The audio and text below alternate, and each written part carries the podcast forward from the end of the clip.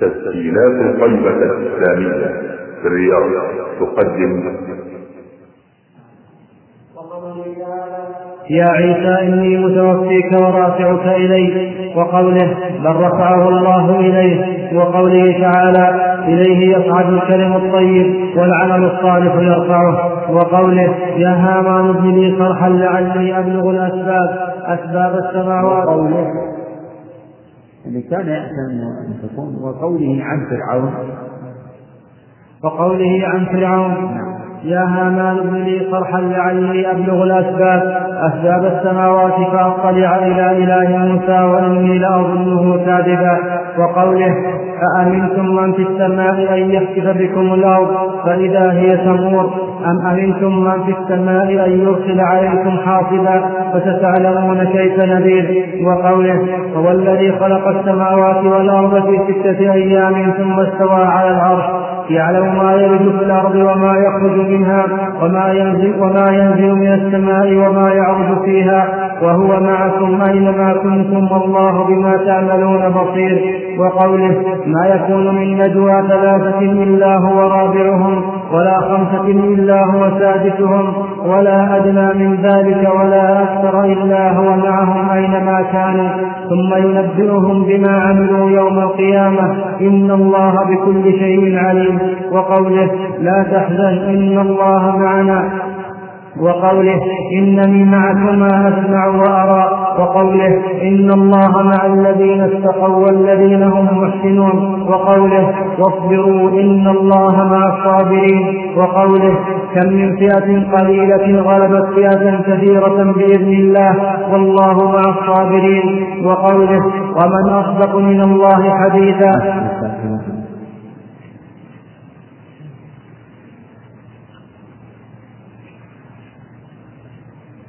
وهذه الآيات أيضا جملة من هذه الآيات التي قرأت تدل على علوه تعالى وهي أنه جعل على خلق أنواع كثيرة جدا في القرآن وفي السنة وهي أنواع أوصلها شيخ الإسلام ابن تيمية في الليل القيم أوصلوها إلى أكثر من إلى أكثر من عشرين نوعا هي أنواع ومعنى ذلك أن كل نوع تحته أفراد من الأدلة فمثلا من أنواع أدلة العلوم التصريح باستواء الله على عرشه هذا نوع وتحته كم دليل في القرآن سبت كلها فيها التصريح باستواء الله على ومنها التصريح برفع بعض المخلوقات إليه نعم بل رفعه الله إليه وما قتلوه وما طلبوه ولكن شبه لهم وإن الذين اختلفوا فيه لفي شك منه ما لهم به من علم إلا اتباع الظن وما قتلوه يقينا بل رفعه الله إليه وكان الله عزيزا حكيما إذ قال الله يا عيسى إني متوفيك ورافعك إلي ومطهرك من الذين كفروا وجاعل الذين اتبعوك فوق الذين كفروا إلى يوم القيامة إذا من أنواع أدلة علوه تعالى على خلقه هو التصريح برفع بعض المخلوقات إليه كما في هاتين الآيتين ومن التصريح بصعود بعض المخلوقات إليه إليه يصعد الكلم الطيب إليه يصعد الكلم الطيب وعروج بعض المخلوقات إليه تعرج الملائكة والروح إليه في يوم كان مقداره خمسين ألف سنة يدبر الأمر من السماء إلى الأرض ثم يعرج إليه في يوم كان مقداره ألف سنة مما تعدون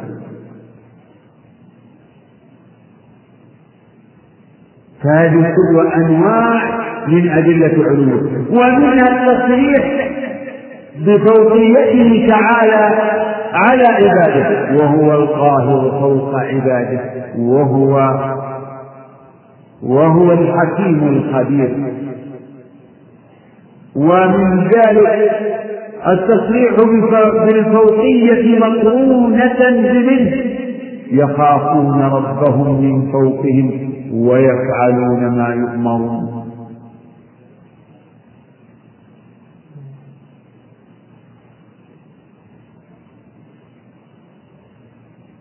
ومنها أيضا التصريح بأنه في السماء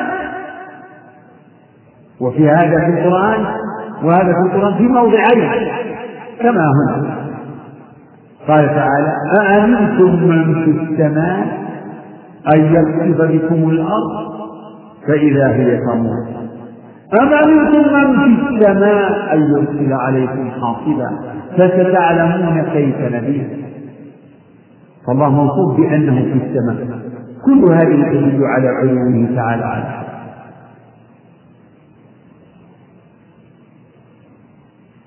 ومنها إخباره تعالى عن فرعون بأنه قال لهامان أجلبي صرحا لعلي أبلغ الأسباب أسباب السماوات فأطلع إلى إله فهذه أيضا تدل على علومه تعالى على خلقه ووجه ذلك أن فرعون تظاهر بأنه يطلب إله موسى في السماء مما يدل على أن موسى قد أخبره بأن إلهه في السماء فذهب الطاغية يقول لوزيره يا إنني صاحا لعلي أبلغ الأسباب أسباب السماوات فأطلع على إله أطلع إلى فأطلع إلى إله موسى يعني الذي يدعو أنه في السماء فهذا هو وجه الاستدلال بهذه الآية على أن الله في السماء لأن فرعون تظاهر بأنه يطلب إله إله موسى في السماء بناء على إخباره بناء على أن موسى أخبر عن ربه وهو كذلك بأنه في السماء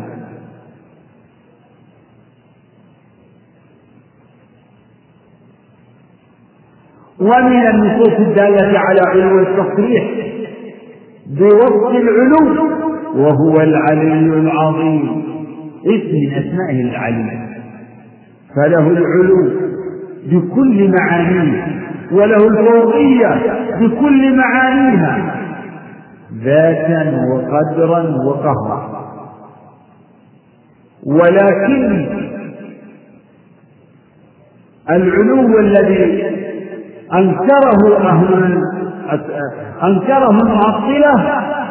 هو هو العلو هو علو الذات وعلو القدر وإن أثبتوه لفظا فما أثبتوه في الحقيقة لأن من نفى صفات الرب تعالى نفى أسماءه وصفاته فما أثبت لله علو القدر وما قدر الله حق قدره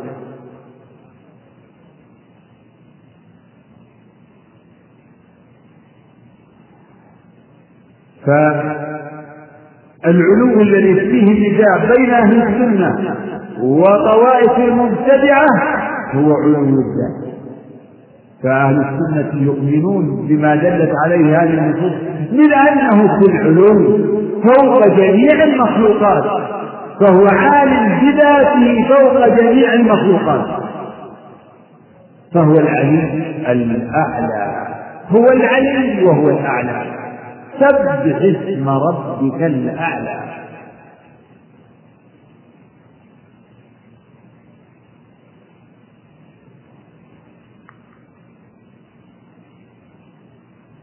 وأما أهل البدع فيقولون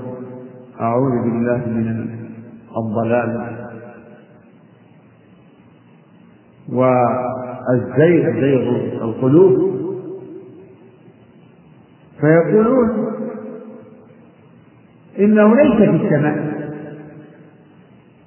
ليس في العلو بل هو في كل مكان حال في المخلوقات وهؤلاء هم الحلولية الذين رد عليهم الإمام أحمد وقال إن قولكم هذا يستلزم أن يكون الله في الأماكن المستقدرة والمستهجنة من الحشوش وبطون الحيوانات وكفى بهذا تنقصا لرب العالمين فالله أعلى وأجل من أن تحيط به مخلوقاته وأن يحميه شيء من مخلوقاته بل هو العلي العظيم العلي فوق كل شيء العظيم الذي لا أعظم منه فلو كان حالا في كل مكان لما كان هو العليم ولما كان هو العظيم مطلقا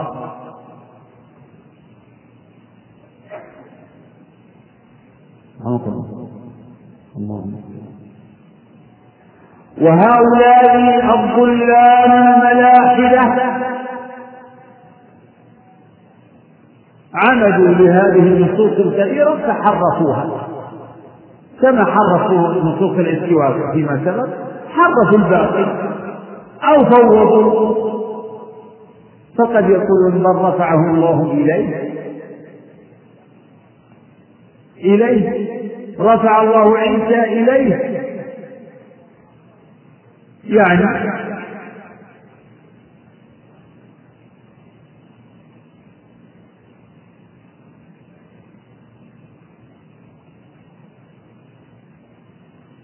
رفعه إليه يعني إلى إلى محل عظمته وسلطانه يعني هذا من نوع تحريفاته تعرف الملائكة والروح إليه إلى محل عظمته وسلطانه والسلطان الله في كل مكان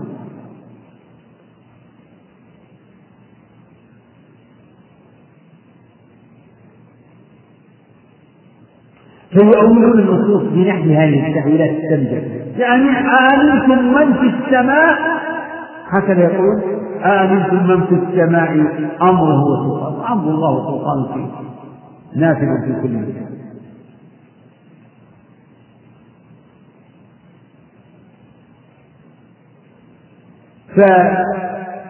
فيحركون هذه النصوص فعندهم أن الله في كل مكان فما فالملائكة لا تعرف نسبة كل المخلوقات إلى الله نسبة واحدة ليس بعضها أقرب إلى الله من بعض ليس بعضها أقرب إلى الله من بعض والنصوص دالة على أن من العباد ومن المخلوقات ما هو عنده إن الذين عند ربك هؤلاء مقربون الملائكة المقربون إن الذين عند ربك لا يستكبرون عن عبادته ويسبحونه وله يسجدون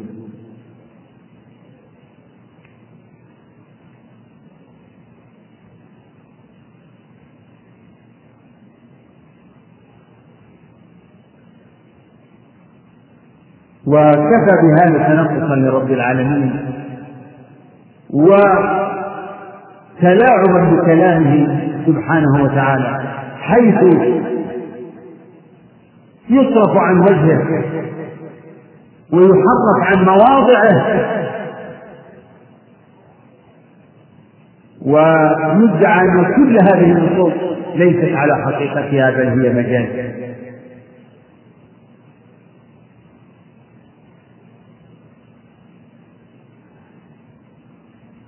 إذا يجب الإيمان بأنه تعالى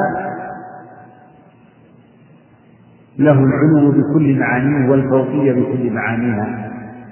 وأنه تعالى إذا فوق جميع المخلوقات ولا يخفى عليه شيء من أعماله فتقول إنه تعالى فوق جميع المخلوقات وأنه العالي على جميع المخلوقات ولكن لا تقول إنه استوى على جميع المخلوقات بل استوى على العرش فالاستواء الخاص للعرش وأما العلو فإنه على جميع المخلوقات ويقول الإمام ابن تيمية رحمه الله إن الاستواء قد طريق العلم به هو السمع فقط وأما العلو فوق جميع المخلوقات فطريق العلم به هو السمع والعقل إذا العلو صفة ذاتية عقل يعني آه، سمعية عقلية يعني طريق العلم بها هو السمع المطابق للعقل وأما الاستواء فطريق العلم بها هو السمع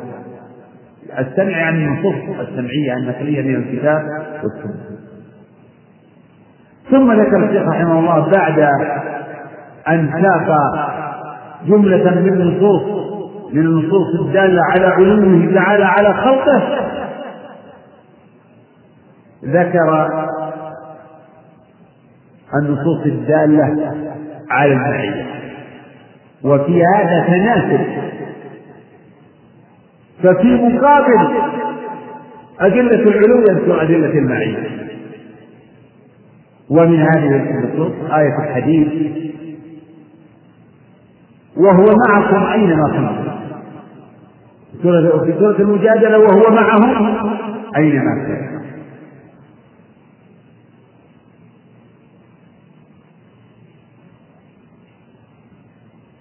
وهذه هي المعية العامة المتضمنة للعلم هو مع عباده أينما كان ما يكون من نجوى ثلاثة إلا هو رابعهم ولا خمسة إلا هو سادسهم ولا أدنى من ذلك ولا أكثر إلا هو معهم أينما كان ثم ينبئهم بما عملوا يوم القيامة إن الله بكل شيء عليم والمعية في اللغة العربية تدل على مطلق المقارنة والمصاحبة ولا تستلزم اختلاطا ولا ممازجة إذا فوصفه تعالى بأنه مع عباده لا يدل على أنه حال في المخلوقات كما زعم المبطلون الغالطون زعموا أن هذه الآيات تدل على أنه في كل مكان مع عباده معهم في بيوتهم ومعهم في آه، سائر ما يكون في كل مكان وهذا فهم خاطئ هو مع عباده مع أنه تعالى في السماء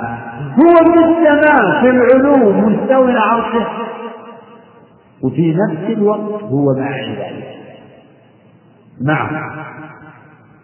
يسمع كلامهم ويرى مكانهم وحركاتهم وسكناتهم ويعلم سرهم ونجواهم لا يخفى عليه شيء من أمره إذا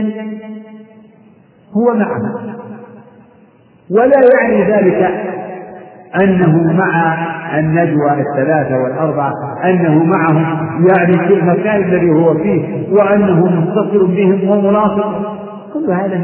من من من لم يفهم من هذا الكلام إلا هذا المعنى فهو شاف الطبع جامد العقل فاسد الفهم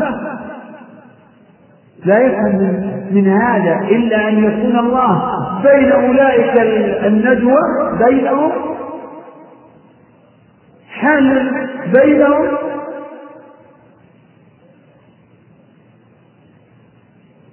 داخل السقف الذي هم على الله عنه ذلك علوا كبيرا وعما يظنه الجاهلون فذلك من ظن السوء من ظن السوء بالله من ظن من ظن أنه تعالى أن معنى أنه مع عباده يعني أنه مخالط لهم متصل بهم وممازج لسائر وأنه في كل مكان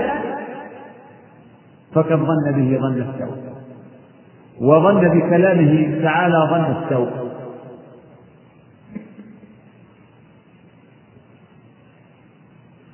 وهذه المعية عند أهل العلم يسمونها المعية العامة لأن عامة الله مع الناس كلهم مع العباد كلهم وهو معكم أينما كنتم ما يكون من نجوى ثلاثة إلا ورابعهم ولا خمسة إلا وسادسهم نجوى أن يمتنع مسلمين كفار من سائر من سائر وهو معهم أينما كانوا ثم ينبئهم بما عملوا يوم القيامة ومن قال من السلف إنه تعالى مع معهم بعلمه فهو حق إنما قال ذلك لبيان ما تقتضيه هذه المعية أن مقتضاها العلم والسمع والبصر وقال الإمام أحمد عندما قال ذلك أو معناه إن الله تعالى ختم آية المعية بدأها بالعلم وختمها بالعلم إذا معنى أنه معهم أينما كانوا يعني معهم بعلم معهم وهو فوق السماوات هو معهم هو نفسه هو نفسه مع عباده على هذا المنزل على هذا الوجه هو في السماء مستو على عرشه وهو معه هو نفسه لا غيره مع عباده يعلم أحوالهم ومكانهم ويرى حركاتهم وسكناتهم ويسمع كلامهم هذه المعية وهذه تشمل كل كل الناس البر البر والفاجر الجن والإنس والملائكة وتعالى معه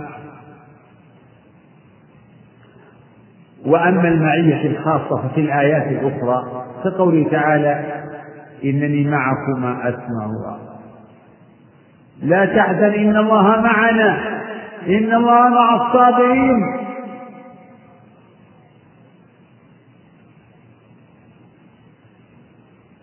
إن الله مع الصابرين نعم وآيات أخرى إن الله مع الذين اتقوا والذين هم محسنون هذه معية خاصة لأن جاءت مقيدة إن الله مع الصابرين صابرون هم بعض العباد لا كلهم المتقون إن الله مع الذين اتقوا هم البعض لا تحزن إن الله معنا هذا يقوله الرسول عليه الصلاة والسلام لأبي بكر عندما قال له يا رسول الله إن المشركين لو نظروا إلى أقدامهم أو إلى ما تحت أقدامهم لأبصرونا فقال عليه الصلاة والسلام لا تحزن إن الله معنا وأخبر الله عن هذه المقالة إذ إيه يقول إلا تنصروه فقد نصره الله إذ أخرجه الذين كفروا ثاني اثنين هما في الغار إذ يقول لصاحبه لا تحزن إن الله معنا هذه معية خاصة والمعية الخاصة تتضمن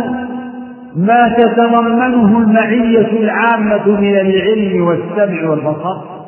والزيادة وهو النصر والتأييد والرعاية فهو معهم سبحانه وتعالى معية تتضمن حفظهم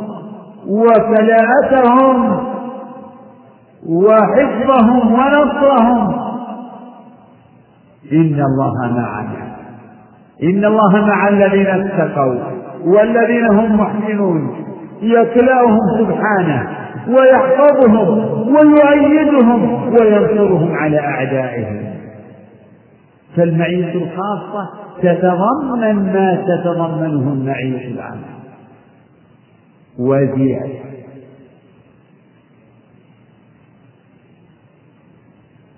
فالمعية إذا في كتاب الله يعني المعية المضافة لله نوعان معية عامة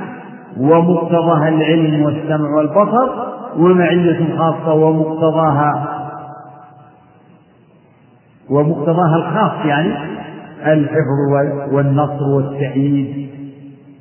وعناية والرعاية منه سبحانه وتعالى لأوليائه إذا المعية العامة عامة بالبر والفاجر وأما الخاصة فهي خاصة بالمؤمنين المتقين المحسنين والصابرين والمرسلين وهكذا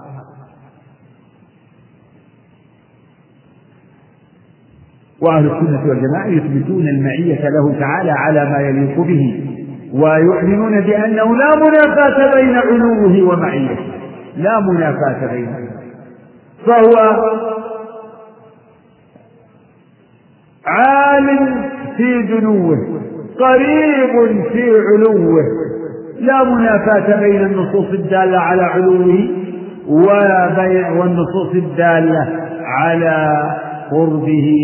ومعيته سبحانه وتعالى لا منافاة بينهما وأهل الضلال يعارضون بينهما ولاحظوا كيف حرفوا نصوص العلو وحملوا نصوص المعية على ظاهرها ظاهرها عندهم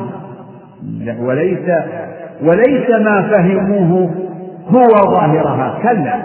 لكنهم فهم فهموا نصوص المعية وحملوها على ظاهرها عند ذي الفهم السقيم والذهن الجاف الجامد وهو معكم معكم أينما كنتم معكم يعني مخالط لكم ومعكم في غرفكم وحجركم يعني تحت تحت آه، سقفها تحويه هذه الأماكن تعالى الله عن ذلك علوا كبيرا هو مع عباده أينما كانوا لا يخفى عليه من أحوالهم خافية علم الله في كل مكان الله تعالى فوق مخلوقاته وعلمه في كل مكان علمه محيط بكل شيء لتعلموا أن الله على كل شيء قدير وأن الله قد أحاط بكل شيء علما نعم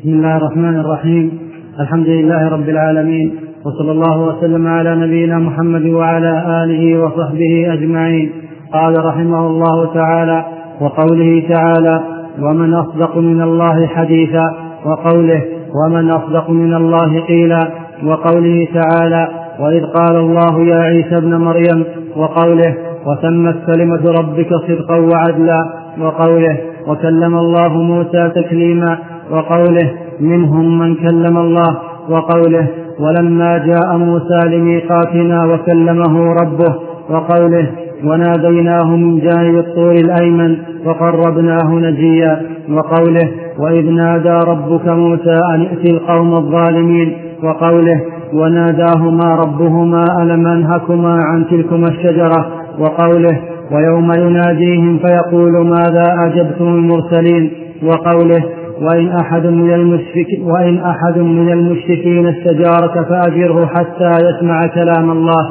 وقوله وقد كان فريق منهم يسمعون كلام الله ثم يحرفونه من بعد ما عقلوه وهم يعلمون وقوله يريدون أن يبدلوا كلام الله قل لن تتبعونا كذلكم قال الله من قبل وقوله واتل ما أوحي إليك من كتاب ربك لا مبدل لكلماته وقوله إن هذا القرآن يقص على بني إسرائيل أكثر الذي هم فيه يختلفون وقوله وهذا كتاب أنزلناه الله الله الحمد لله والصلاة والسلام على رسول الله وعلى آله وصحبه ومن اهتدى بهداه أما بعد فهذه الآيات ساقها الإمام ابن تيمية رحمه الله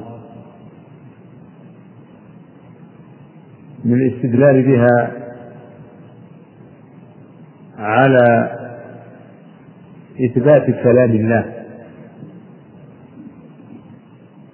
وأن الله يتكلم ويكلم وقال ويقول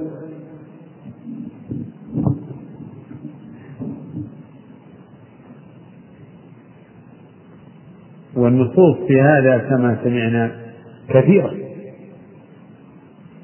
النصوص القرآنية الدالة على إثبات صفة الكلام لله كثيرة جدا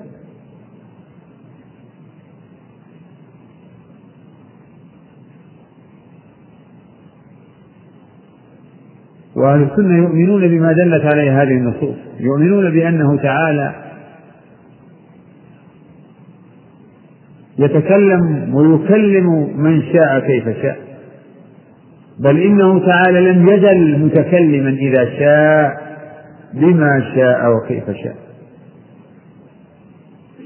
لم يزل متكلما إذا شاء لم يحدث له الكلام بعد أن كان غير متكلم بل لم يزل يتكلم إذا شاء بما شاء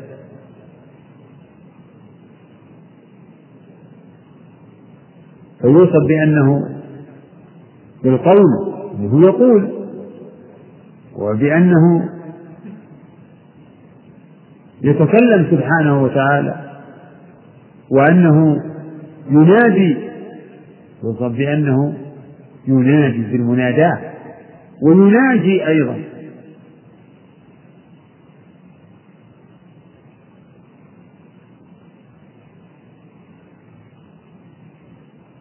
فهو سبحانه وتعالى يتكلم كلاما يسمعه من شاء من عباده إذا هو إذا يتكلم بحرف وصوت يعني بكلمات بكلمات هي حروف فكلامهم حروف وكلمات وصور وآيات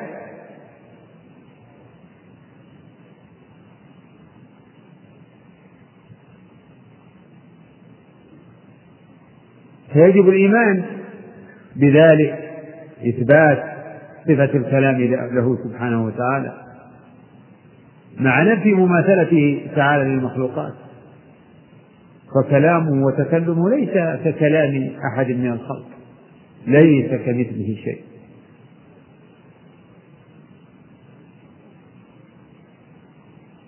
وإن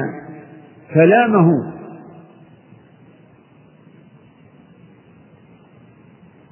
لتصعق منه الملائكة إذا إذا قضى الله الأمر في السماء ضربت الملائكة بأجنحتها خضعاء لقوله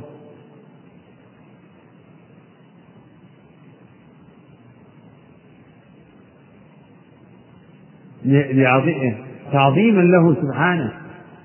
ولعظم ما يسمعون من وقع كلامه سبحانه وتعالى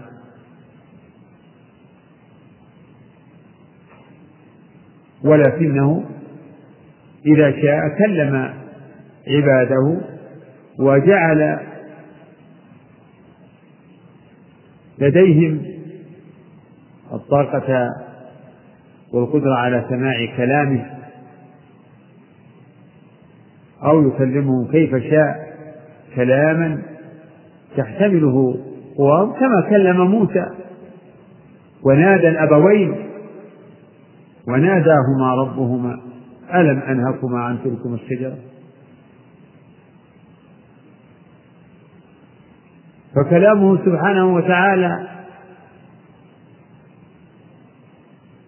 كلاما مسموعا يسمعه من شاء من عباده وأهل البدع المعطلة ومن تبعهم ينفون الكلام عن الله ويقول إنه لا يتكلم سبحانك هذا بهتان تعالى الله عن ذلك علو كبير يقول لا يتكلم ولا يكلم وأن هذا يستلزم التشبيه ويستلزم ما يستلزمه كلام المخلوق من كذا ومن كذا ومن الأدوات ومن المخارج فينفون حقيقة الكلام بمثل هذا ينفون حقيقة الكلام عن الله بمثل هذا التلبيس الذي هو من من وحي ابليس البعيد العدو المبين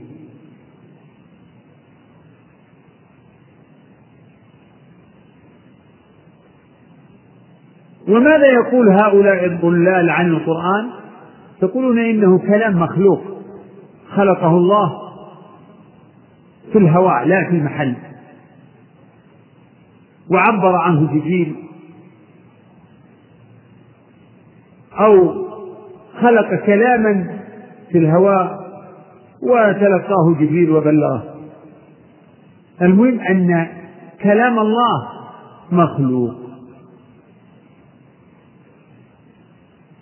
إذا أراد سبحانه وتعالى أن يكلم أحدا خلق كلاما حتى إن خطاب الله لموسى وكلامه موسى زعم الجهمية والمعتزلة أن أن الله خلق كلاما في الشجرة لا أن ما سمعه موسى هو كلام الله خلق سلاما في الشجرة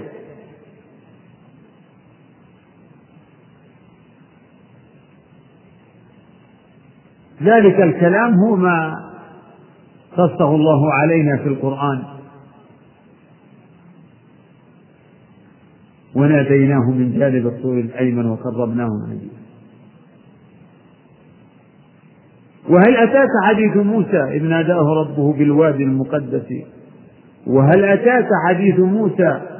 إذ ناداه ربه بالوادي المقدس طوى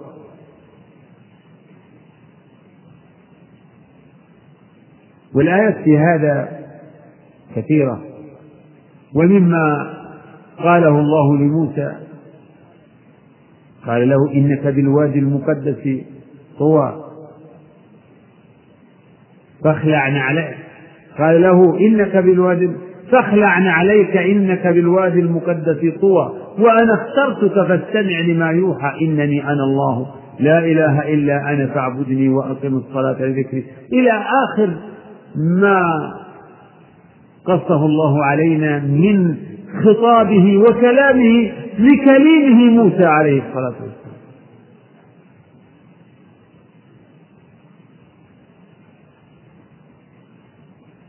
وهل أتاك حديث موسى إذ رأى نارا فقال لأهله امكثوا إني آنست نارا لعلي آتيكم منها بقبس أو أجد على النار هدى فلما أتاها نودي يا موسى إني أنا ربك فاخلعنا عليك إنك بالوادي المقدس طوى الآية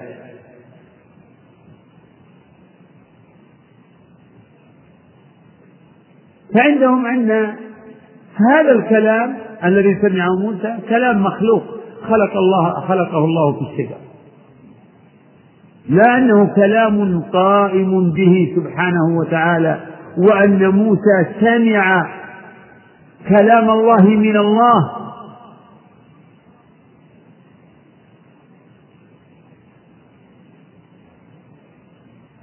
وهذا مع أنه تحريف للكلم عن مواضعه فإنه فإن نفي الكلام عن الله غاية في التنقص لرب العالمين فإن الكلام كمال فالذي يتكلم أكمل من الذي لا يتكلم بل إنه سبحانه وتعالى عندما وبخ بني إسرائيل على عبادتهم العجل ذكر ذكر أن العجل لا يتكلم فكيف يعبدونه واتخذ قوم موسى واتخذ قوم موسى نعم من حليهم واتخذ قوم موسى لا واتخذ قوم موسى من بعد من بعده واتخذ قوم موسى من بعده من حليهم عجلا جسدا له خوار ألم يروا أنه لا يكلمهم ولا يهديهم سبيلا اتخذوه وكانوا ظالمين ألم يروا أنه لا يكلمهم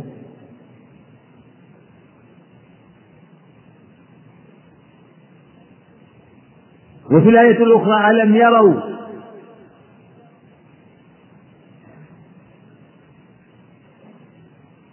فقالوا هذا إلهكم وإله موسى فنسي أفلا يرون أن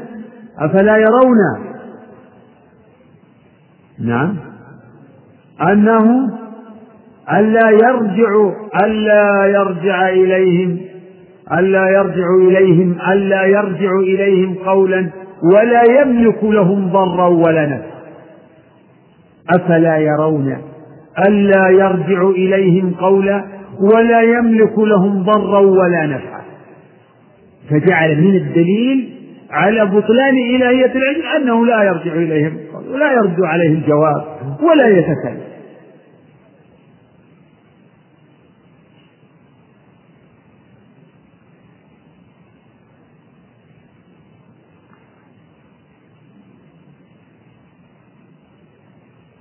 وقد دل على إثبات هذه الصفة أعني صفة الكلام بهذا بهذا التفصيل دل دل على ذلك هذه الآيات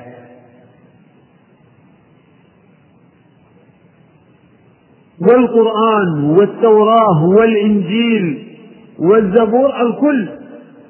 كلام الله كلها منزلة من عند الله التوراة التي أنزلت على موسى والإنجيل الذي أنزل على عيسى عليه السلام والزبور المنزل على داوود والقرآن الكتاب المصدق لما بين يديه من الكتب كلها كلام الله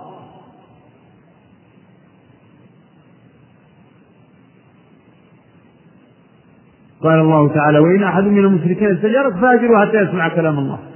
وقال تعالى أفتطمعون أن يؤمنوا لكم وقد كان فريق منهم يسمعون كلام الله ثم يحرفونه فهو كلام الله وإضافة القرآن إلى الله هو من قبيل إضافة الصفة إلى المنصوص كالعلم كعلمه وسمعه وبصره وحياته ووجهه ويديه إضافة الكلام إلى الله إضافة الصفة إلى الموصوف والمعطلة نفاة الكلام يقولون هذا القرآن مخلوق وهذا ما أنكره عليهم أئمة الإسلام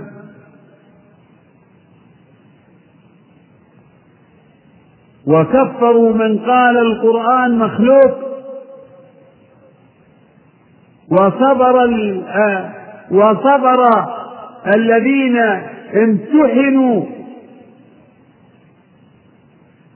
في أمر القرآن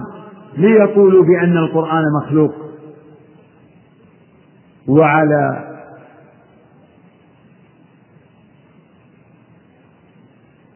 وعلى رأس هؤلاء الإمام أحمد إمام أهل السنة الذي امتحن بالضرب والسجن ليقول القرآن مخلوق فأبى أبى على الجهمية وصبر على أذاهم فلا غرو أن حاز ذلك اللقب إمام أهل السنة فرحمه الله وسائر أئمة الهدى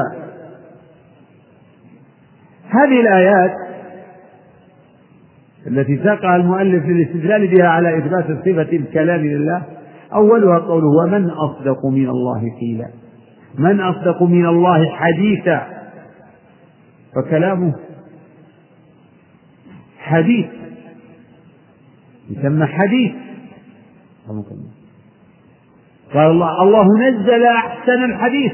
فالقرآن حديث حديث كلام الكلام يسمى حديث ومن أصدق من الله حديثا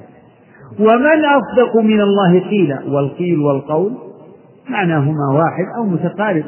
ومن أصدق من الله قيلا ومن أحسن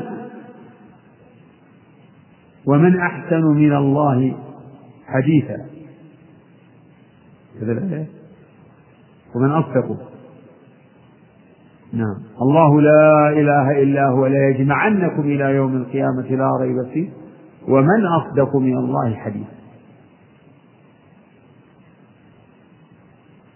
أي لا أحد أصدق لا أحد أصدق من الله حديثا وقولا ويوضح هذا قوله تعالى وتمت كلمة ربك صدقا وعدلا من فضلك اقلب الشر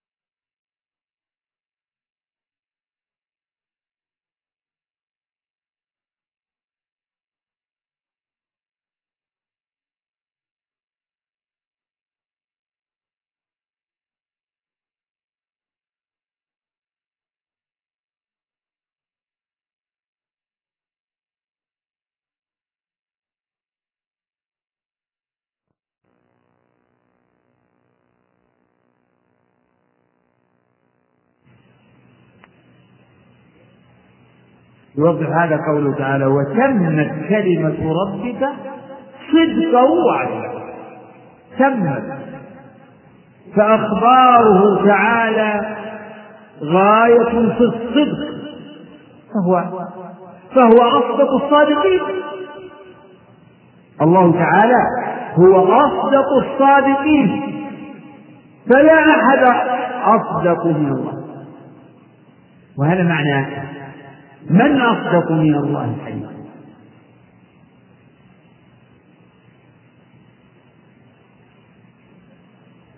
وتمت كلمة ربك صدقا وعدلا وك وشرائعه وأوامره ونواهيه كلها عدل وتمت كلمة ربك صدقا وعدلا لا مبدل لكلماته وهو السميع العليم لا مبدل لكلماته كلمات الله نوعان كلمات كونية وهي ما يكون به الكائنات كما قال إنما قولنا لشيء إذا أردناه أن نقول له كن فيكون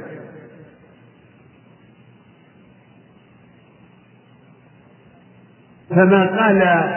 لليهود العتاة المتمردين كونوا قردة قال فلما عتوا عما نهوا عنه قلنا لهم كونوا قردة خاسرة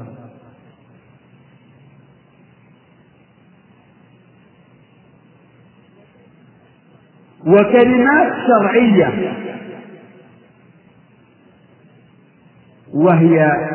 كلماته المنزلة على رسله كلامه الذي أنزل على رسله وهي كتبه ومنها بل وأعظمها و وأشرفها القرآن فالقرآن كلامه وكله من كلماته الشرعية كلماته الشرعية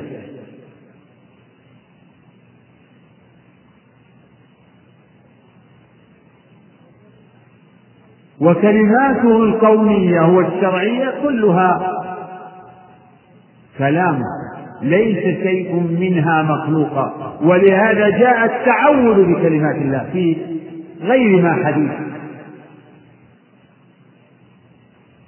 أعوذ بكلمات الله التامة من شر ما خلق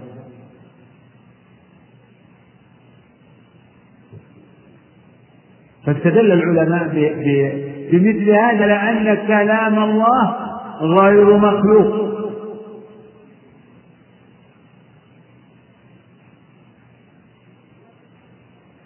ومن هذه الآيات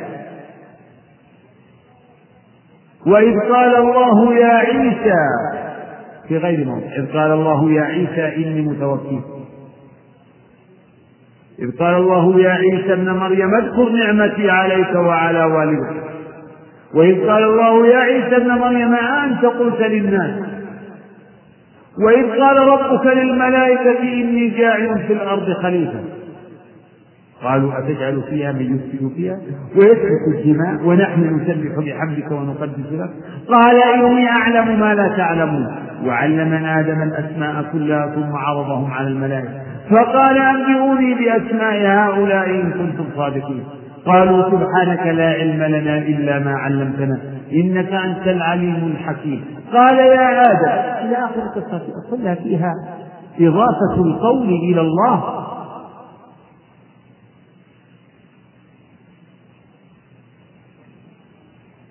ومنها قوله تعالى وكلم الله موسى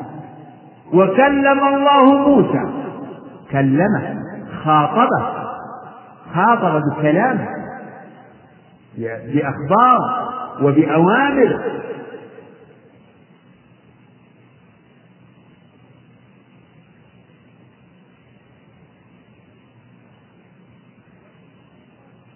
وإذ نادى ربك موسى أن ائت القوم الظالمين ناداه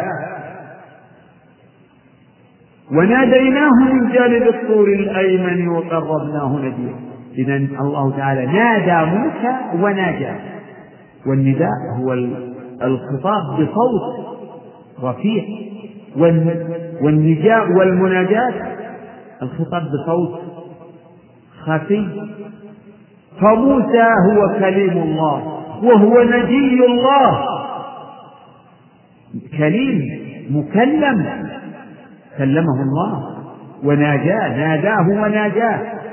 إذا الله تعالى موصوف بالمناجاة والمناجاة والعباد يوصفون بالكلام والتكليم وبالمناجاة والمناجاة وليست المناداة كالمناداة ولا المناجاة كالمناجاة ولا التكليم كالتكليم وهذا كله في القرآن الله ذكر هذه المعاني وأضافها للمخلوق يعني وصف المخلوق بالتكليف وبالمناداة وبالمناجاة إن الذين ينادونك من وراء الحجرات أكثرهم لا يعقلون يا أيها الذين آمنوا إذا ناجيتم الرسول فقدموا بين يدي الجواب يا أيها الذين آمنوا إذا إذا تناجيتم فلا تتناجوا بالإثم والعدوان ومعصيته المقصود إن كل ما يوصف الله به من ذلك ليس ليس مثل ما يوصف به المخلوق وكلم الله موسى كلم الله بالرفع فاعل وموسى مفعول هو المكلم وتكليم مصدر مؤكد يرفع ويدفع احتمال المجاز كلم الله موسى تكليما والمعطلة يحرفون هذه الآية لكن هيهات يقولون وكلم الله يريدون لأن لو كانت الآية هكذا بهذه الصيغة يكون التكليم من من؟ من موسى وكلم الله يعني موسى كلم الله ولو كان الأمر كذلك أفيكون لموسى خصوصية؟ لا كل أحد يمكن أن يكلم الله أنتم تكلمون الله نعم تكلمون الله ايه تناجون الله اذا قام احدكم بالصلاه فانه يناجي ربه الداعي يكلم ربه يكلمه يقول يا ربي يا ربي يكلم ربه العباد يكلمون يكلم احدهم ربه ويناجي ربه لكن خصوصيه موسى في ان الله كلمه ولهذا المبطل المعطل محاولة منه يعني إبطال هذه الأدلة يقول وكلم الله ولكن هيهات كلام الله محفوظ محفوظ في الصدور وفي المصاحف لا يأتيه الباطل من بين يديه ولا من خلفه تنزيل من حكيم حميد وانظر إن هذا التكليم بين الله يعني أنه كان مناداة ومناجاة كان مناداة وكان مناجاة كما في آية سورة مريم وناديناه من جانب الطول الأيمن وقربناه نجيا فالله نادى منه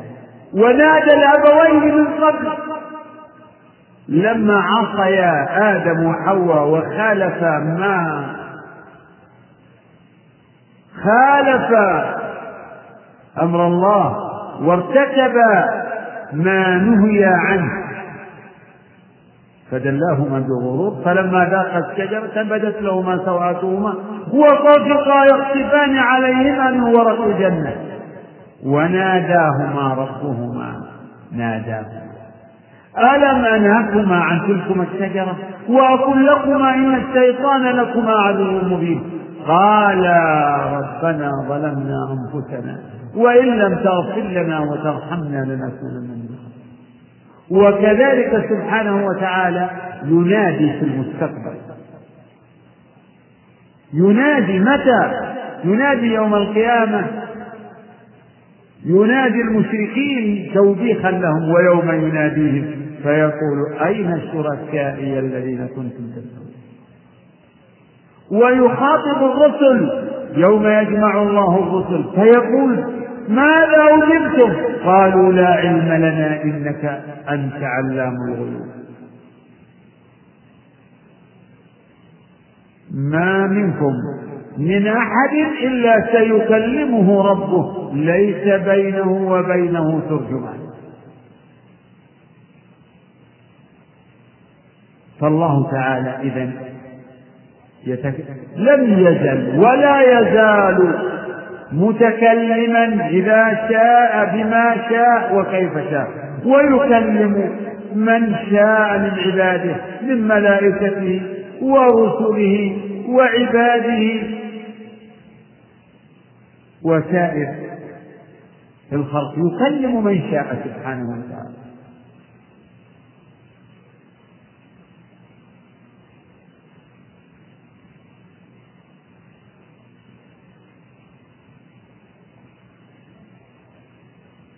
ومن كلام الكتب ومنها القرآن فالقرآن كلام الله كلام الله وإن أحد من المشركين استجارك فأجيبه حتى يسمع كلام الله لكن كلام الله هو كلام الله خير القرآن كلام الله كيف نقصر هو كلام الله محفوظا في الصدور ومسموعا بالآذان ومطلوعا بالألسن ومكتوبا في المصائب كله كلام لكن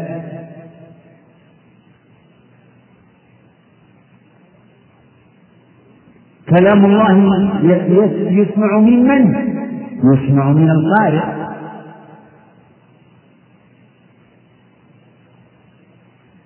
فقوله تعالى حتى يسمع كلام الله يسمعه إما من الرسول ولا من أو من بعض المؤمنين حتى يسمع كلام الله أما الذي سمع القرآن كلام الله من الله فهو جبريل جبريل سمع كلام الله من الله لأنه هو آه، الموكل بالوحي وإنه لتنزيل رب العالمين نزل به الروح الأمين على قلبك لتكون من المنذرين فجبريل الروح الأمين سمع كلام الله من الله و ومحمد عليه الصلاة والسلام سمع القرآن من جبريل سمع كلام الله الذي نزل به جبريل سمعه من من جبريل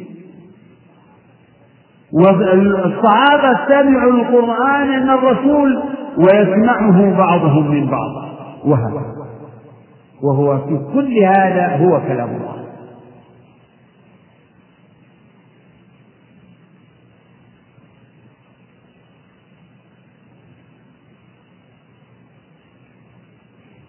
نعم هذه هذا لعله يعني أبرز ما تتعلق بهذه الآيات كلها يعني تدل على إثبات كلام الله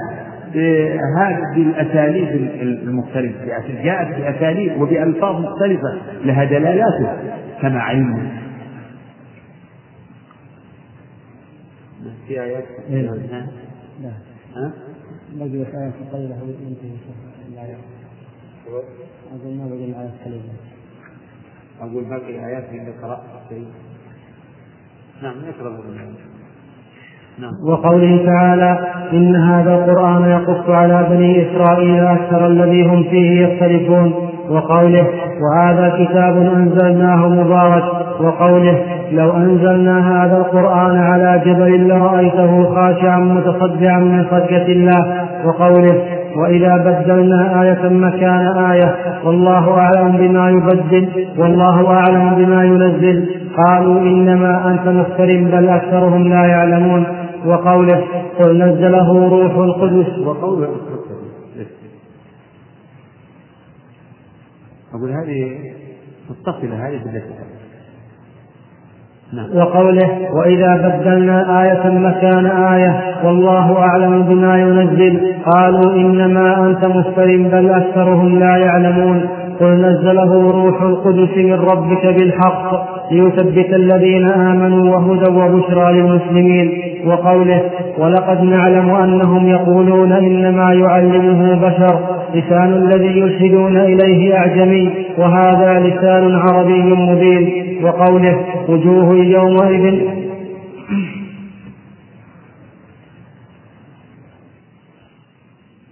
وهذه الآيات فيها الإخبار على القرآن بأنه منزل من عند الله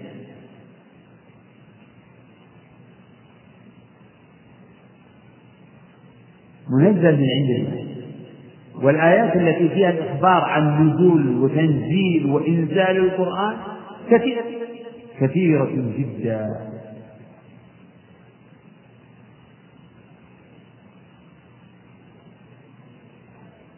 إن هذا القرآن يقص على بني إسرائيل أكثر الذي هم فيه يختلفون إن هذا القرآن يقص والقرآن يوصف بأنه يقص وأنه يفتي وأنه يبشر وينذر ويهدي كل هذا قد جاء إن هذا القرآن يهدي وهذه ويبشر إن هذا القرآن يهدي للتي هي أقوم ويبشر المؤمنين الذين يعملون الصالحات ويبشر المؤمنين الذين يعملون الصالحات أن لهم أجرا كبيرا وأن الذين لا يؤمنون بالآخرة أعتدنا لهم عذابا أليما فالقرآن يوصف بأنه يقص لاشتماله على القصص على أخبار الأنبياء مع أممهم وعلى الأوامر وما فيه من الأوامر والنواهي كل هذا يقصه على العباد إن هذا القرآن يقص على بني إسرائيل هنا جاء التقييم يقص على بني إسرائيل أكثر الذي هم فيه مختلفون فما قص عليهم ما من أمر المسيح عليه السلام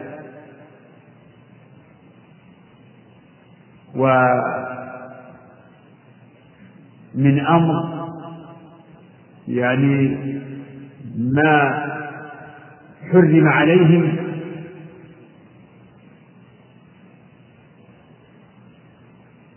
وعلى الذين هادوا حرمنا ما قصصنا عليك من قبل وما ظلمناهم ولكن كانوا أنفسهم يظلمون وهذه الآيات التي فيها الإخبار عن نزول القرآن تؤكد ما مضى من أن القرآن كلام الله لأنه منزل من الله تنزيل الكتاب من الله العزيز العليم تنزيل الكتاب من الله العزيز الحكيم تنزيل من الرحمن الرحيم قل نزله روح القدس من ربك وإنه لتنزيل رب العالمين نزل به الروح الأمين إذا القرآن جاء من عند الله من الله فابتداء نزوله من الله ابتداء ابتداء نزوله من الله لأنه كلامه فلا بد أن يكون نزول ابتداء نزوله منه تعالى تنزيل الكتاب من الله قل نزله روح القدس من ربك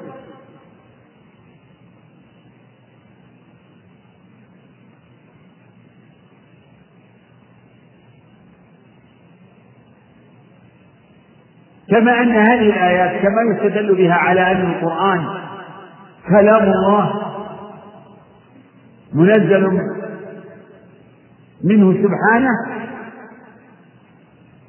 فإنه يستدل بها على علوه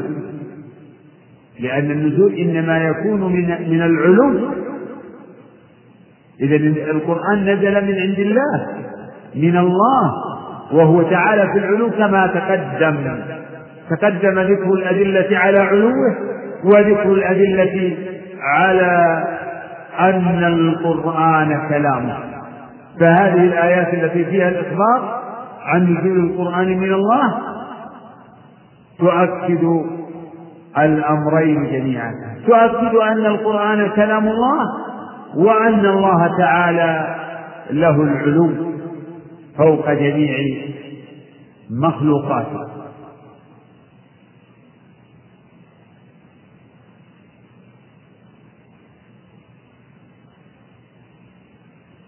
نعم بعد السؤال؟ هنا إيه. وقوله تعالى إلى وقوله على الأرائك ينظرون وقوله للذين أحسنوا الحسنى وزيادة وقوله لهم ما يشاءون فيها ولدينا مزيد وهذا الباب في كتاب الله كثير من تدبر القرآن طالبا للهدى منه تبين له طريق الحق تبين له طريق الحق ثم في سنة ربه وهذه الآيات ختم بها المؤلف رحمه الله ما أورده من النصوص القرآنية الدالة على إثبات صفات الرب سبحانه وتعالى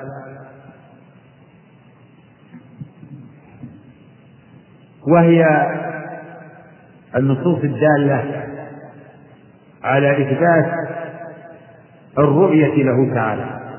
يعني رؤية العباد له وهذه مسألة كبيرة أيضا آه ضل فيها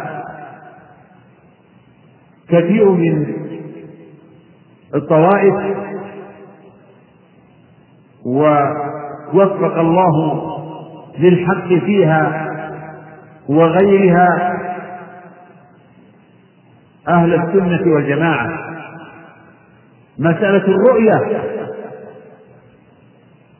وهي داخلة في مسائل الصفات فهي من داخلة في باب صفات الرب هل الله يرى أو لا يرى يقول المعصبة إنه تعالى لا يرى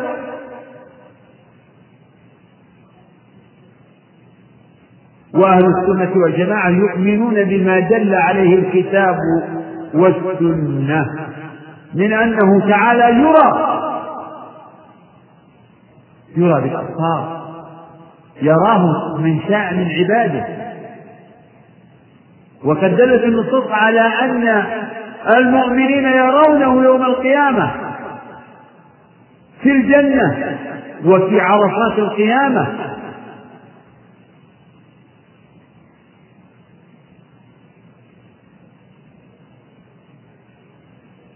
ومن هذه الأدلة قوله تعالى وجوه يومئذ ناظرة إلى ربها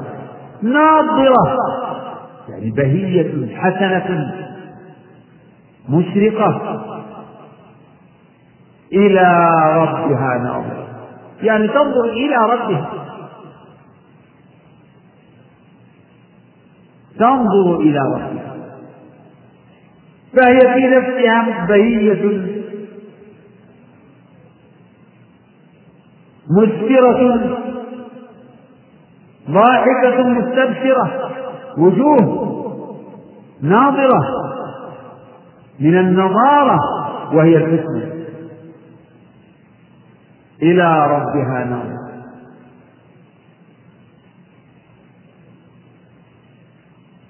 وهي وجوه أولياء الله يوم القيامة وجوه المؤمنين ووجوه يومئذ باسرة تظن أن يفعل بها فقط فقوله إلى ربها ناظرة من النظر من النظر بالبصر ونظر يأتي متعديا بنفسه ومتعديا بفيه ومتعديا بإله فالمتعدي بنفسه بمعنى الانتظار هل ينظرون إلا أن يأتيهم الله في ظلل من الغمام هل ينظرون إلا تأويلا بمعنى هل ينتظر هؤلاء الكفار إلا تأويل ما وعدوا به وأما المتعدي بالفي فهو بمعنى التفكر أفلم ينظروا أفلم ينظروا في ملكوت السماوات والأرض أفلم ينظروا فيه يعني أو أفلم يتفكروا كما قال تعالى في الآية الأخرى أولم يتفكروا في أنفسهم أما المتعدي بإلى فهو بمعنى نظر العين تقول نظرت إلى كذا يعني يعني ببصري نظرت إليه بعيني بالبصر كما قال تعالى أفلا أفلم ينظروا إلى السماء أفلم ينظروا إلى السماء فوقهم كيف بنيناها وزيناها وما فهذه الآية هي أدل دليل على إثبات الرؤية لله تعالى يعني إثبات رؤية المؤمنين لربهم إثبات أنه تعالى يرى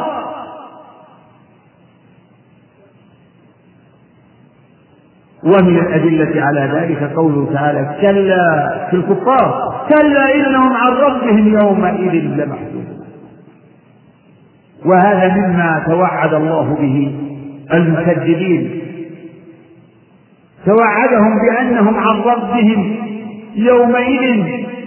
يعني يوم القيامة يوم يصلون نار جهنم كلا بل ران على قلوبهم ما كانوا يكسبون كلا إنهم عن ربهم يومئذ لمحجوبون ثم إنهم لصال الجحيم ثم يقال هذا الذي كنتم به تكذبون فتهديد الكافرين بحجبهم عن ربهم يدل على أن المؤمنين بخلاف ذلك وأنهم يرونه وأنهم يرونه سبحانه فلو كان المؤمنون لا يرونه لما كان بينهم وبين المكذبين ولو كان تعالى لا يرى البتة لما كان في قوله كلا إنهم عن ربهم يومئذ لمحجوبين لمحجوبون لما كان في هذا الوعيد فائدة لأن الكل محدود أه؟ الكل يستحيل عليه أن يرضى بل الله يستحيل أن يرى عند عند المعطل ومن الأدلة القرآنية الأدلة القرآنية على إثبات الرؤية قوله تعالى للذين أحسنوا الحسنى والزيادة وقوله تعالى لهم ما يشاءون فيها ولدينا مزيد وقد جاء تفسير الزيادة والمزيد بأنهم نظروا إلى وجهه الكريم سبحانه وتعالى للذين أحسنوا الحسنى الجنة وزيادة أي أي زيادة زيادة عظيمة ألا وهي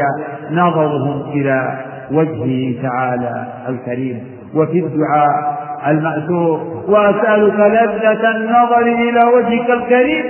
نسأله تعالى نسأله تعالى أن يرزقنا لذة النظر إلى وجهه الكريم الله أكبر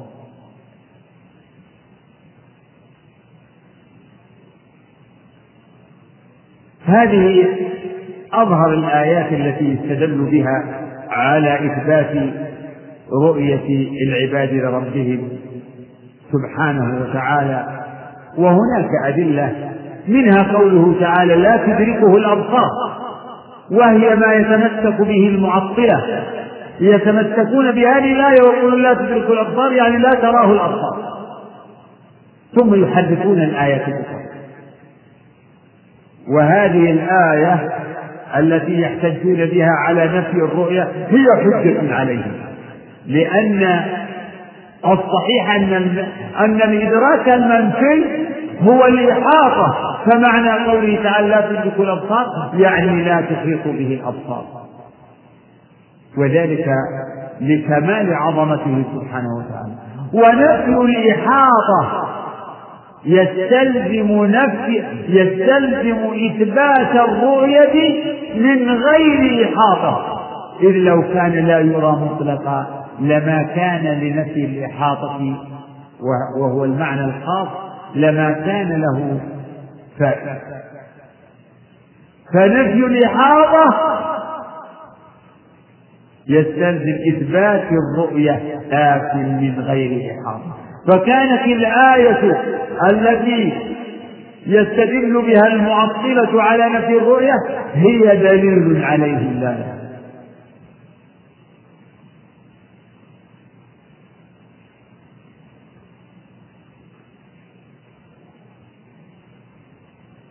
ولعل الإمام ابن تيمية تعمد هذا الترتيب وتحراه وهو أنه ختم هذه النصوص التي أوردها من القرآن على إثبات صفات الرب مما يحقق للعباد معرفتهم بربهم فنحن عرفنا ربنا بأسمائه وصفاته وذلك بما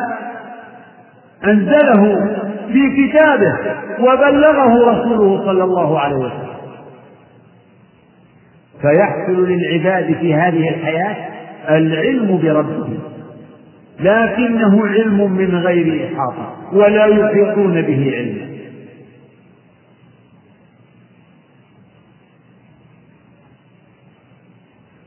ففي الدنيا العباد لا يرون لكنهم يعلمون علما من غير إحاطة ويوم القيامة يرون فيجتمع لهم العلم الذي في قلوبهم والرؤية له تعالى بأبصارهم وهذه غاية فكأن الإمام ابن تيمية في إيراد هذه الآيات في هذا الموضع كأنه ينبه إلى أن أن هذه غاية رؤية العباد لربهم غاية لهم فتسوق نفوسهم إلى النظر إلى وجهه الكريم بعد أن عرفوه في الدنيا بأسمائه وصفاته كما علمهم فإنه تعالى يتمم هذا لأوليائه يوم القيامة بأن يجعلهم ينظرون إليه وأن وأن يكشف الحجاب لهم فينظرون إليه وذلك غاية غاية نعيمهم فلا يلتفتون إلى شيء لا يلتفتون إلى شيء مع نظرهم إليه سبحانه وتعالى وفي النهاية يقول وهذا باب واسع يعني النصوص الدالة على أسماء الرب وصفاته وأفعاله مما يتضاءل مما يورث العلم بالله باب واسع من تدبره من تدبر هذه النصوص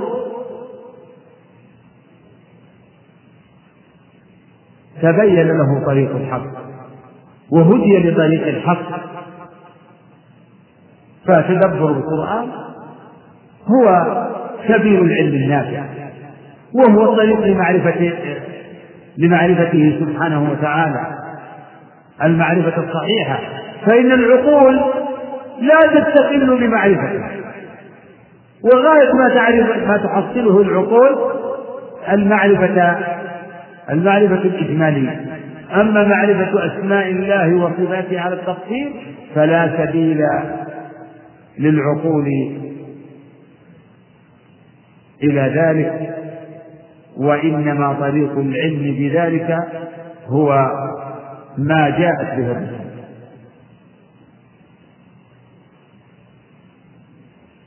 فرحم الله الإمام ابن تيمية على هذه العناية العظيمة يعني قد يقول بعض الناس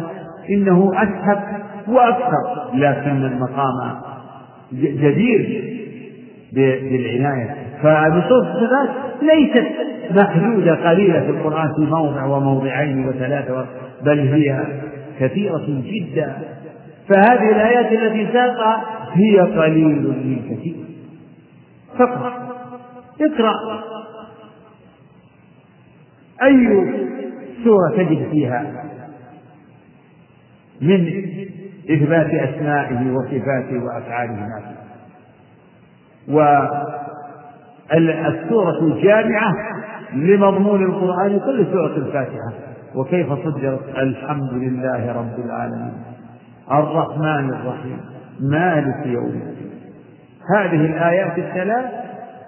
فيها جماع أسماء الرب وصفاته لكن على سبيل الإجمال نعم الله الموفق صلى الله عليه وسلم دخل في دخل حديث لا لا دخل حديث اليوم يعني بدي دخل في نعم الصلاة نعم،, نعم بسم الله الرحمن الرحيم هذا سائل يقول هناك شبهة سمعتها من بعض العامة أو أو الملبس عليهم يقول لماذا يرشد العلماء ويدرسون وينبهون الناس على القول بخلق القرآن الذي انقرض من يقول بهذا القول لا إله إلا الله وحده لا شريك هذه البدعة بدعة القول بخلق القرآن هذه المقالة الشنعة المنكرة التي أصلها جحد صفات الرب يعني القول بالقرآن القول بخلق القرآن باطل مبني على باطل مبني على باطل وهو وهو نفي صفات الرب نفي الكلام عن الله وهذا الفكر لم ينقرض موجود في مؤلفات الناس عبر القرون وموجود في عقول كثير من المنتسبين للإسلام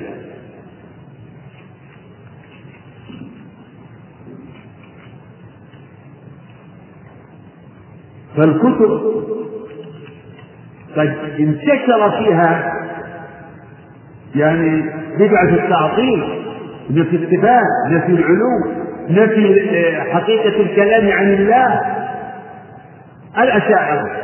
الذين يقال أنهم أقرب الطوائف إلى السنة وينتسبون للسنة ماذا يقولون عن الكلام؟ يقولون الكلام كلام الله يثبتون الكلام من الصفات لكن ما هو الكلام عندهم؟ وهذا مما يمكن فاتني أن أتعرض له يقول الكلام معنى نفسي واحد قديم معنى نفسي يعني ليس بحرف واحد في نفس يعني كلام الله في نفس وهو شيء واحد قديم ليس تابعا لمشيئته سبحانه وتعالى يعني انه ان كلام الله معنى نفسي ليس تابعا لمشيئته معنى قائم بالرب مثل مثل حياته وقدرته فلا يقال انه يتكلم اذا شاء ويكلم من شاء اذا شاء بل هو معنى النفس وهذا يعني انه لا يسمع كلام الله لا يسمع لانه ليس بحق اذا هذا القران هذا القران الذي نتلوه هو عبارة عن كلام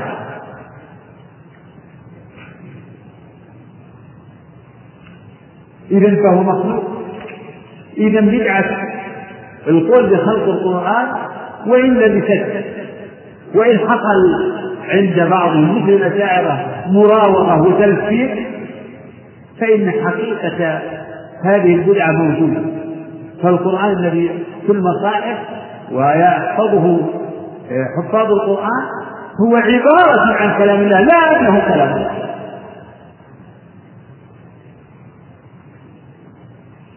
ومن هم أكثر آه، الناس في العالم الإسلامي أهم أهل السنة أم غيرهم أم غيرهم غيرهم الرافضة هؤلاء الذين يعدون بالملايين هم على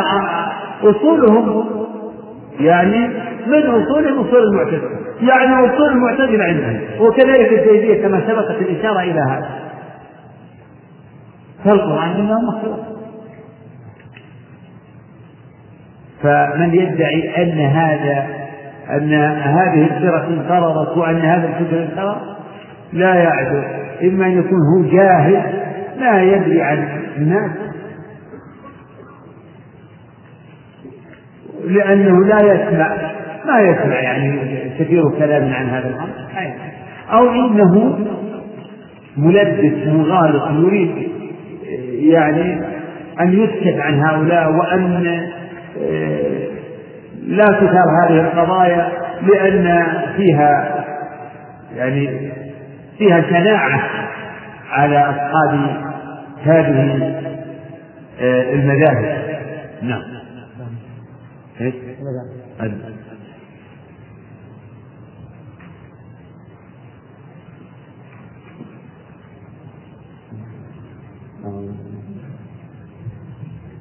وهذا السائل يقول هل الضحك من صفات الله سبحانه وتعالى وما معنى قوله وأنه هو أضحك واكثر يوجه السؤال إلى الليلة القادمة إن شاء الله هذا الموضوع في الفصل الآتي نعم. هل مخاطبة الله في يوم القيامة للحساب يستلزم رؤيته؟ وإذا كانت الإجابة بنعم فكيف نوفق بينه وبين أن رؤية الله خاصة للمؤمنين في الجنة؟ ما يستلزم خطابه خطابه لا يستلزم فموسى في الدنيا خاطب الله خاطب الله كلم موسى دون رؤية قال رب أرني أنظر إليك قال لن تراني ولكن انظر إلى الجنة وقال تعالى وما كان لك أن يكلمه الله إلا وحده أو من وراء حجاب أو يغفر ربه فالله تعالى يكلم من فيوم القيامة يكلم من شاء مع رؤية أو بدون رؤية نعم كيف يكون موسى عليه السلام قد اختصه الله جل وعلا بالتكليم مع انه سبحانه وتعالى قد كلم ادم وحواء بقوله وناداهما ربهما وقد كلم النبي صلى الله عليه وسلم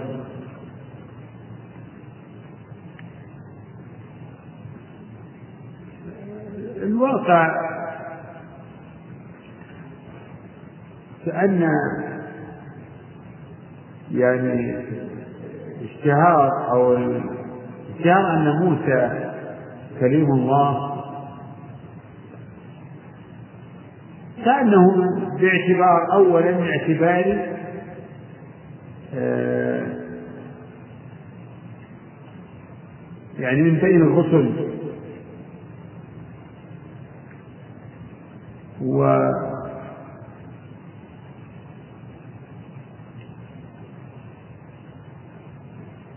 ولعله يؤيد هذا قوله تعالى ورسلا قد قصصناهم عليك من قبل ورسلا لم نقصهم عليك وكلم الله موسى تكليما فهو فهو كليم الله من الرسل يعني لا نقول إن موسى هو كليم الله بمعنى أن الله لم يكلم أحدا سواه لا يقول واحد فكلم الأولين موسى وكلم الملائكة لكن هو كليم الله من بين يعني من بين سائر الرسل والنصوص الدالة على تكريم الله لموسى هي أظهر من سائر الآيات قال الله تلك الرسل فضلنا بعضهم على بعض منهم من كلم الله منهم من كلم الله هذه تنصرف لمن تنصرف منهم من كلم والقرآن يفسر بعضه بعضا تلك الرسل فضلنا بعضهم على بعض منهم من كلم الله من هو هذا؟ اقرأ آية النساء ورسلا قد قصصناهم عليك من قبل ورسلا لم نقصصهم عليك وكلم الله موسى تكليما فموسى كليم الله من بين سائر الرسل بعد تحيات تسجيلات قيبة الإسلامية الرياض